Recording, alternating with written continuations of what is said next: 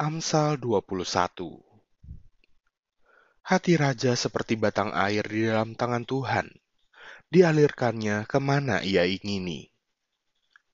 Setiap jalan orang adalah lurus menurut pandangannya sendiri, tetapi Tuhanlah yang menguji hati.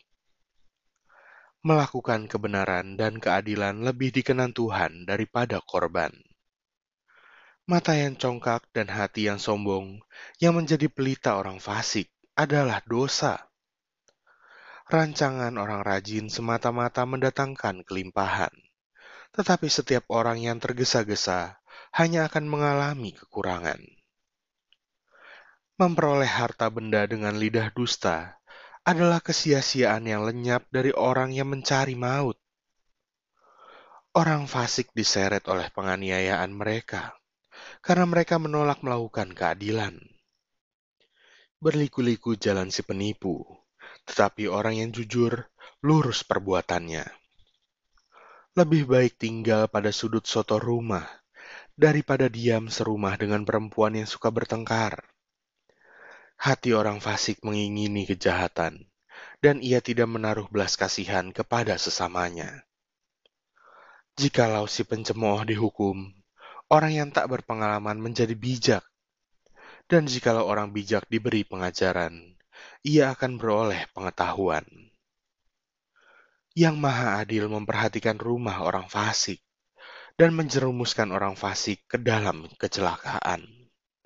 Siapa menutup telinganya bagi jeritan orang lemah, tidak akan menerima jawaban kalau ia sendiri berseru-seru. Pemberian dengan sembunyi-sembunyi memadamkan marah, dan hadiah yang dirahasiakan meredakan kegeraman yang hebat. Melakukan keadilan adalah kesukaan bagi orang benar, tetapi menakutkan orang yang berbuat jahat. Orang yang menyimpang dari jalan akal budi akan berhenti di tempat arwah-arwah berkumpul. Orang yang suka bersenang-senang akan berkekurangan.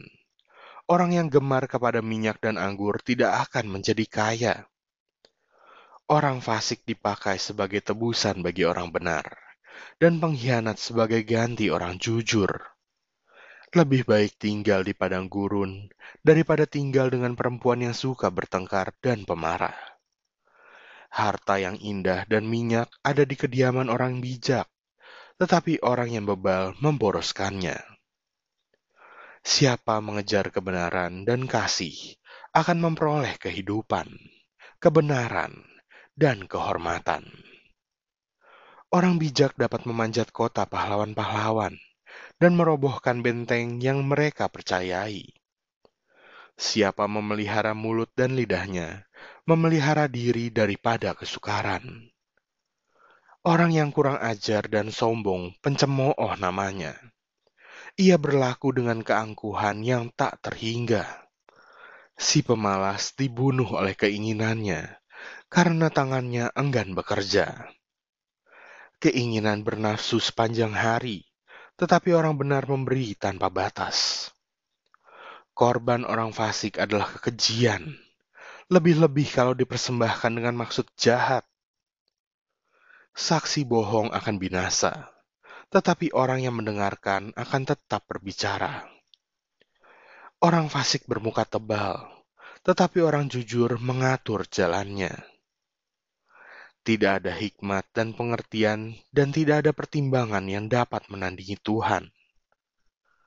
Kuda diperlengkapi untuk hari peperangan, tetapi kemenangan ada di tangan Tuhan.